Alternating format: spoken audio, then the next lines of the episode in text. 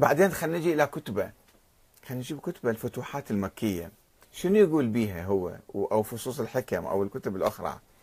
شلون كتبها؟ طريقة كتابتها وطريقة منين إجت الأفكار اللي مكتوبة بهاي الكتب مالته آه خلينا نقرأ عن فقرة من ابن زيد أبو زيد. آه في كتابه آه هكذا تكلم ابن عربي. يقول وهنا نلمس أول ملمح من ملامح مؤلفات الشيخ. إنها ليست كتبا من تأليفه بل هي رسائل طلب منه أن يبلغها للناس. يعني صار وحي عليه. طلب منه أن يبلغها للناس. وحي صار نبي يعني هو. هكذا آه ليس كتاب مواقع النجوم إلا ثمرة من ثمار اللقاء مع الحق سبحانه وتعالى. في رؤيا مع الله شاف الله بالطيف وقال له آه تسلم فيها الكتاب هذا الكتاب مواقع النجوم عنده كتاب اسمه مواقع النجوم ليبلغه للناس ناصحا. الله اعطاه اياه وحي نزل عليه. شاف الله بالمنام. النبي محمد يقول أنا شفت جبرائيل ما يقول شفت الله. هو يقول لا أنا شفت الله. بعد أكثر من من الأنبياء يعني. وقال لي أعطي هذا الكتاب للناس وروح أنصح الناس فيه. فإذا كلامه صار مقدس. هذه الهالة الموجودة على ابن عربي عبر التاريخ عند الصوفية وعند ناس البسطاء اللي يصدقون بأقواله. من هنا جاي من هال هالقصص وهالروايات والأحلام سوى نفس هالة فكلامه كله صار بعد هذا يعني من الله تعالى. أهمية الكتاب تكمن هنا في مصدر إلهامه كما يقول أبو زيد. عنده كتاب آخر اسمه كتاب عنقاء مغرب أو عنقاء مغرب في ختم الأولياء وشمس المغرب. وهذا الكتاب الأخير شأنه شأن كل الكتب التي أنتجها الشيخ. ليس من تأليفه هو بل هو مما أوحي إليه في مشاهد في مشاهده ورؤاه. أه ورؤاه الصوفية. يقول ولما دخل شهر ميلاد النبي محمد عليه السلام شهر ربيع الأول من سنة 595 أه بعث إلي سبحانه رسول الإلهام.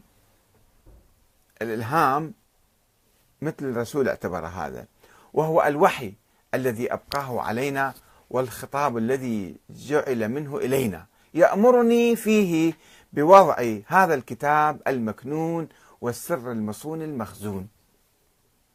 شفت؟ شفت في ربطها بميلاد النبي حتى تصير كلش مقدسة يعني يعني تصير رواية مضبوطة. وجاء الإلهام وكتب الكتاب. مو مو من علمه. مو من عقله مو من سعيه مو من القرآن ولا من الأحاديث جاء إلهام جديد. فصار نبي جديد يعني. وتمثل التجربة الصفوية الصوفية تجربة موازية لتجربة الوحي النبوي أو مكملة لها. الفارق بين التجربتين بين تجربة النبي وتجربة الصوفي أن التجربة الأولى تتضمن الإتيان بتشريع جديد.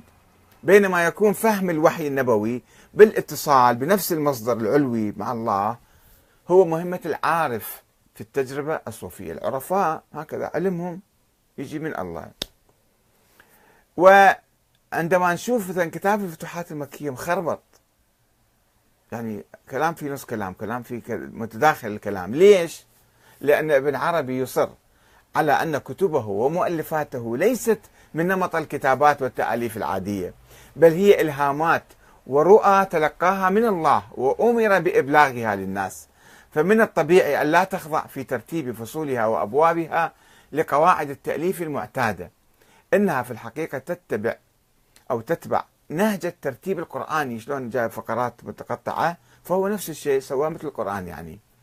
بعبارة أخرى يصر الشيخ الأكبر ابن عربي يعني على أن يقنع قارئه بأنه ليس مسؤولا عن هذا الترتيب للكتاب لأنه ببساطة لم يؤلفه من فكره الخاص.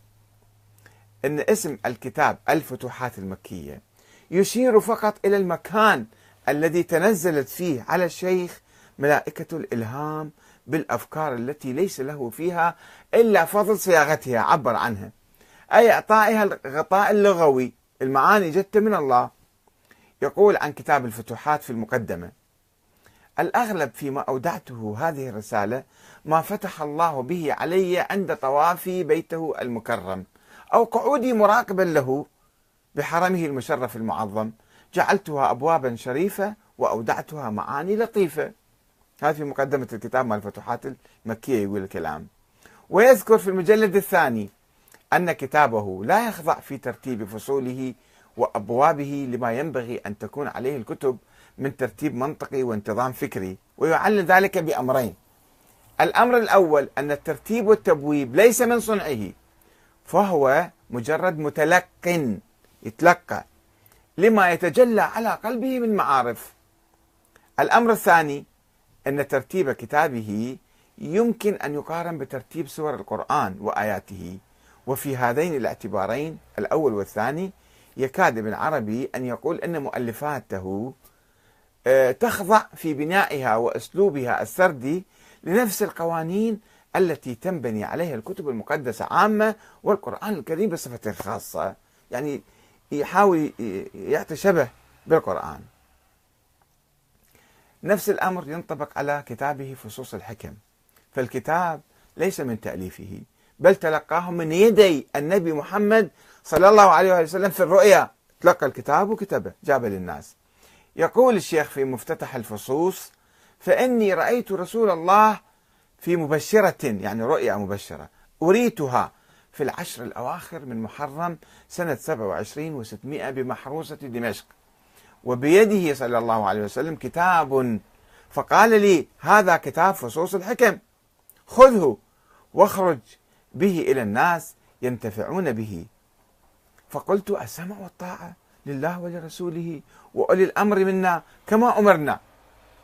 فحققت الأمنية فحققت الأمنية وأخلصت النية وجردت القصد والهمة إلى إبراز هذا الكتاب كما حده لي رسول الله صلى الله عليه وآله وسلم من غير زيادة ولا نقصان.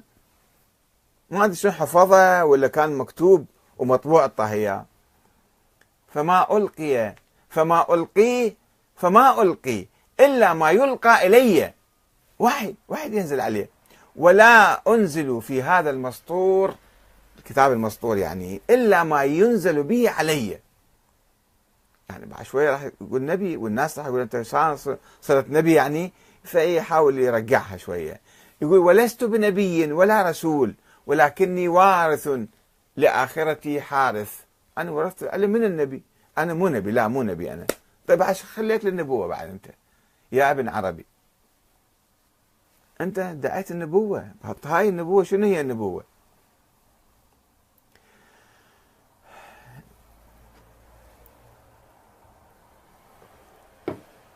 وبعد ما يذكر الخطبة مقدمة الفتوحات المكية يورد أقوالا تنسب إلى أبي هريرة. حفظت عن رسول الله مروية شكل. يقول وعاءين يقول حفظت أبو هريرة يقول حفظت عن رسول الله صلى الله عليه وسلم وعاءين من علم طاستين يعني. أما أحدهما فقد بثثته فيكم وأما الآخر فلو بثثته لقطع مني هذا الحلقوم. ما أقدر أحكي, أحكي.